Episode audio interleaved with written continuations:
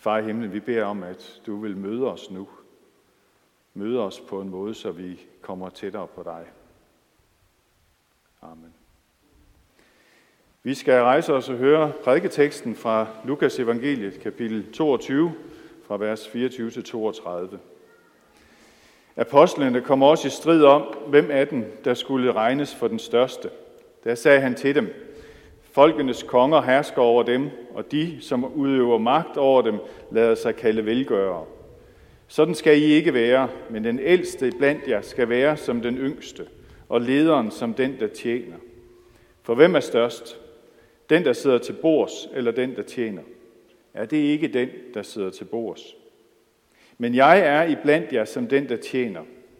Jeg er det, der er blevet, mig, blevet hos mig under mine prøvelser – og ligesom min far har overdraget mig riget, overdrager jeg det til jer, for at I skal spise og drikke ved mit bord i mit rige, og I skal sidde på troner og dømme Israels tolv stammer. Simon, Simon, Satan gjorde krav på jer for at sigte jer som hvide, men jeg bad for dig, at din tro ikke skal svigte. Og når du engang vender om, så styrk dine brødre. Amen.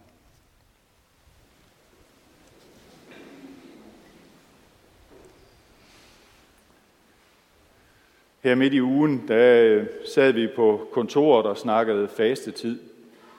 Øh, en ville afholde sig fra at drikke alkohol ind til påske, og en anden ville undgå sukker og søde sager, og en tredje ville afstå fra sociale medier og Netflix.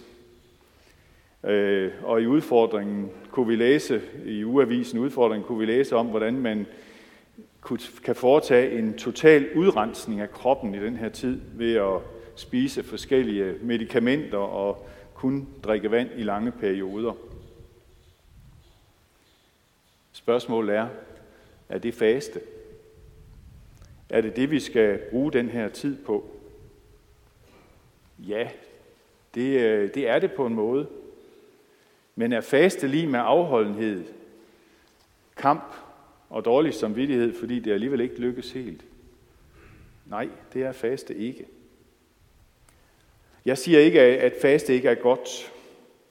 Hvem kunne ikke trænge til at få sit øh, kaffeforbrug sat ned og sin skærmtid halveret? Øhm, og jeg kan kun opfordre til, at man bruger anledningen til at gøre op med, med dårlige vaner og overforbrug øh, her i fastetiden. Men det, jeg går efter her, det er, at vi får et rigtigt perspektiv på det. Og øh, de kerneord, som, som, øh, som jeg vil dele med jer her omkring fasten, det er at faste. Det er ikke øh, faste fra noget. Det er faste til noget. Og det tror jeg er meget vigtigt at holde sig for, for øje, øh, fordi hvad er det, vi vil opnå med fasten? Hvad er formålet? Og så kan det godt ske, at vi gør nogle ting, som kan blive til et redskab til at nå til det mål. Men hvis ikke vi har målet for det for øje, så bliver det jo bare nogle øvelser. Øh, noget vi gør, nogle gange endda måske for at vise andre, at vi kan. Så øh, hvis, hvis du overvejer at gøre noget ekstra i den her tid, og det kan jeg kun opfordre til, faste var og er en, en bibelsk øh, vej til at komme nærmere til Gud. Så prøv at sætte dig ned og, og skriv, ikke hvad du vil gøre, men hvad du vil opnå ved det. Hvad skal det være faste til? Og så kan du begynde at sige, og så vil jeg i øvrigt gøre sådan og sådan for at nå til det her mål. Og så husk, at det skal være realistisk. Det skal være ind i en hverdag, der kan fungere. Og målet, for faste er altid en dybere relation til Gud og til hans søn, Jesus Kristus. Fastetid er jo forberedelsestid. Vi skal til fest. Vi skal til fest i Jerusalem, påskefesten, hvor vi skal fejre Jesus sejr over død og djævel. Men en fest kræver forberedelse. Vi var til fest i aftes hos en, som øh, kun fylder over hver fjerde år. Og det, øh, det er klart, øh, det skal der fejres, når man så endelig har fødselsdag. Øh, og det var forberedt på alle til alle, øh, i alle detaljer. Og sådan er det med en fest. Den skal øh, forberedes. Og den går ikke helt, som jeg tror, nogen af os har fået det indrettet, at vi bare går lidt til hånde og overlader planlægningen og det meste forberedelsen til hinanden. Øh, sådan kan det jo godt gå nogle gange.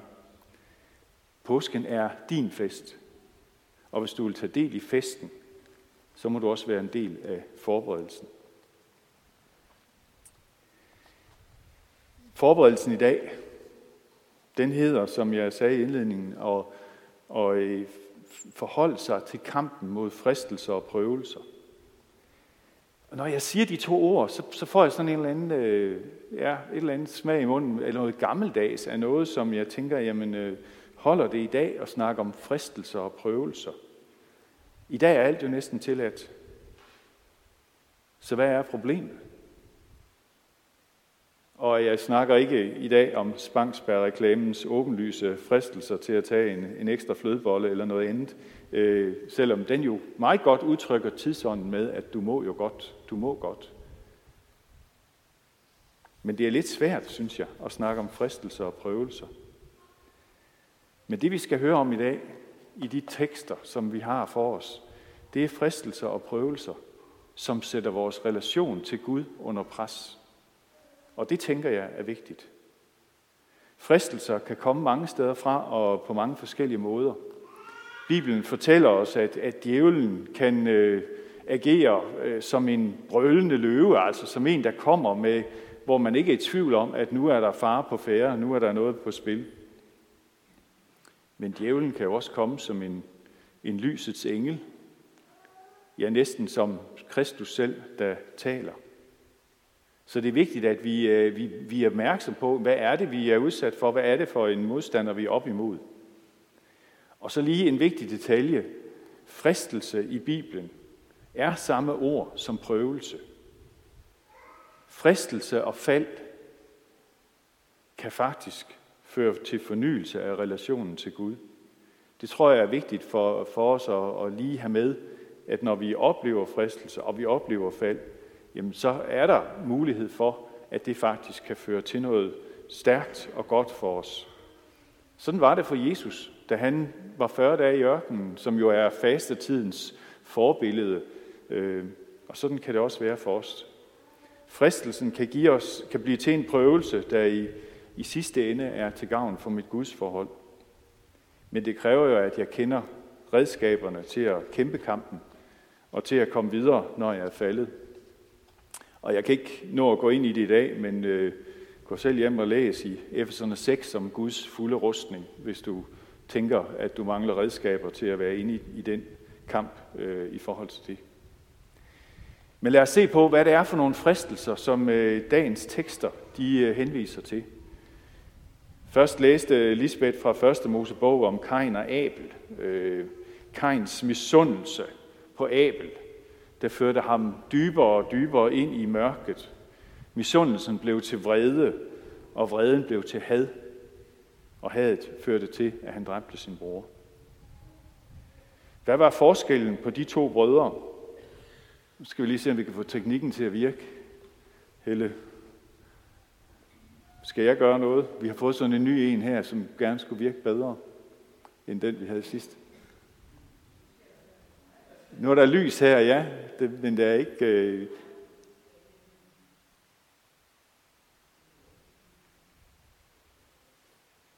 Er der ikke noget, jeg skulle have tændt for? Nej ja.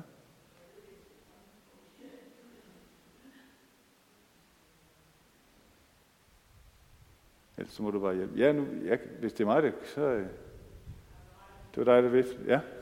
Vi prøver lige. Jeg skal lige have den der, ja. Jo, jeg skifter. Det er så godt. Sådan. Øh, I Hebræerne 11 øh, får vi, får vi ligesom udlægningen af den der historie med, med Kain og Abel. Og øh, der står der, at i tro frembar Abel et rigere offer end Kain. Øhm, hvad står der der? Der står, i tro frembar Abel et rigere offer end Kain. Den afgørende forskel på Kain og Abel, det var deres relation til Gud. Og Hebræerbrevet fortsætter så, og derved blev det bevidnet, at, at han var retfærdig. Det vidnesbyrd gav Gud ham for hans offergaver, og i kraft af troen taler han endnu, skønt han er død. Troen på Gud afgjorde, om han var retfærdig, om han levede det gode liv. Så temaet her var egentlig misundelse, vrede, had, mor. Men det store problem, det var relationen til Gud. Hvordan er din relation til Gud, Abel? Hvordan er din relation til Gud, Kain? I den næste tekst øh, fra Jakobs brev, der står der, at en bror i ringekår skal være stolt af sin høje stand, en rig af sin ringe stand, for som markens blomster skal han forgå. Det handler om rigdom. Det handler om rigdommens fristelser og farer. Og vi kan lige så godt sige det, som det er. Vi, fordi vi lever der, hvor vi gør, og i den velstand, vi gør, vi står svagest i forhold til Guds rige, i forhold til mange andre. Vi er, for at sige det som det er, bagud på point. Fordi vi så nemt kommer til at bygge vores liv på vores rigdom og vores status. Det er så svært at være afhængig af Gud, når jeg nu faktisk klarer mig godt og sørger godt for mig selv og mit liv.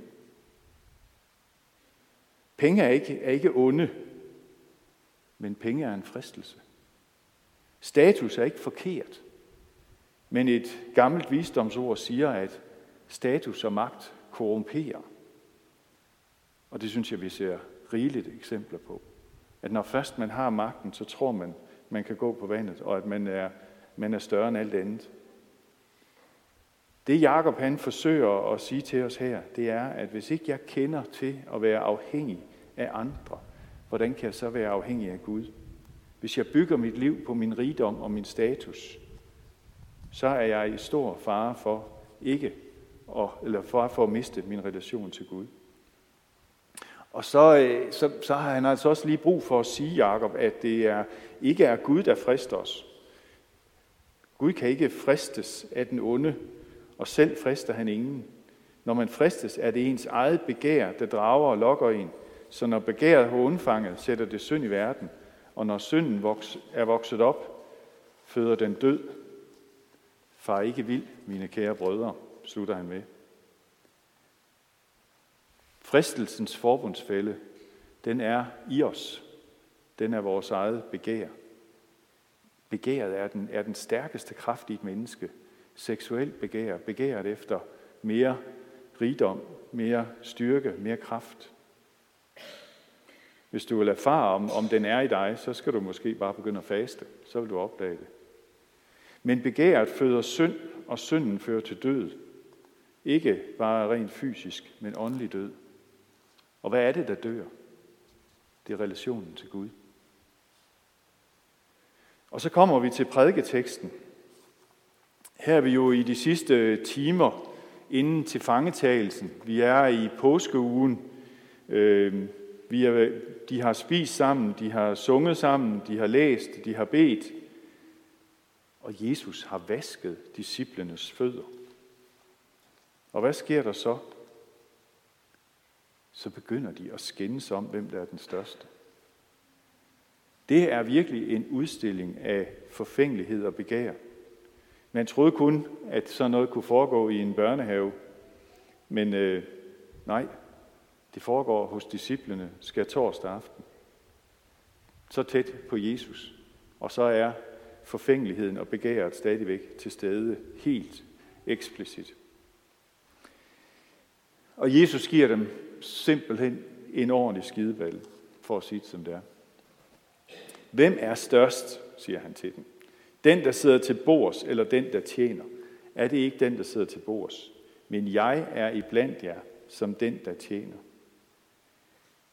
Jesus sætter dem på plads på den der ydmygende måde, hvor de ikke bliver forskel ud og bliver bange, men bliver skamfulde, kigger ned i bordet og indser, at de er fyldt af det, som alle andre også kæmper med, og som kun Jesus har vist den vej, rette vej igennem igennem sit eksempel og igennem sit ord. Og så tager Jesus øh, et, et ekstra hårdt greb i, i Peter, lederen af disciplen. Det var han jo sådan formelt og uformelt, øh, men det var ham, der var lederen. Simon, Simon, Satan gjorde krav på jer for at sigte jer som vide, men jeg bad for dig, at din tro ikke skal svigte. Og du, når du engang vender om, så styrk dine brødre. Peter får simpelthen en ordentlig ekstra rusketur her. Jesus ved, at Peter vil inden for de nærmeste dage komme til at, at fornægte ham. Og så tænker man, at det kunne Jesus jo så have stoppet her, og øh, ligesom sat, sagt, øh, dertil ikke længere. Men det gør han ikke. Peter skal igennem det. Han skal opleve, hvad noget er. Han skal opleve sin egen svaghed, og hvor det er, han er hen, og hvad det er, han kan i sin egen kraft. Og det skal han opleve så stærkt, at han kan styrke sine medkristne brødre og søstre, når de fristes. Peter skal igennem en, en renselse og en fornyelse. En fastetid. Og hvad er det så, Jesus han beder om for Peter? Han beder om, at hans tro ikke må svigte. Han beder om, at Peter han må bevare relationen til Gud. Han beder om, at Peter han må forblive igennem sit fald og igennem sine fristelser. At han der må forblive i den stærke relation til Gud. Og her stopper vi, for her er vi ved kernen i fastetiden og ved den her søndags fokus på fristelser og prøvelser. Din vigtigste relation er til din Gud og far i himlen. Og Jesus beder for dig. Jesus beder for dig, at din tro ikke må svigte. Du får lov til at smage Guds nåde, når vi når frem til påskefesten, på en helt særlig måde. Og også lidt i dag i nadvåren. Men din oplevelse af det kan blive endnu dybere, hvis du her i fastetiden går ind i en besindelse på, hvad det er, der er dine fristelser og prøvelser. Ikke øh, bede om at, at blive det fri for den måske, men at få lov at bevare troen igennem det, fordi vi ved, at vores liv er fyldt med fristelser og fald. Og sådan er det. Derfor har vi brug for Jesus. Derfor skal vi lære at være afhængige af Jesus, på trods af alt det, vi har. Og derfor skal vi bevare den stærke relation til Gud. Amen. Hvor er du en underfuld, kærlig Gud, der fører os på en så underfuld og fin måde. Du ophøjer os, når du holder os nede. Du gør os ret, når du gør os til syndere. Du fører os til himlen, når du skubber os ned i afgrunden. Du giver os sejr, når du lader os være underlegne. Du trøster os, når du lader os sørge. Du gør os glade, når du lader os fortvivle. Du lader os synge, når du lader os græde. Du gør os stærke, når vi lider. Du gør os vise, når du gør os til tåber. Du gør os rige, når du gør os fattige. Du gør os til herre, når du lader os tjene. I Jesu navn. Amen.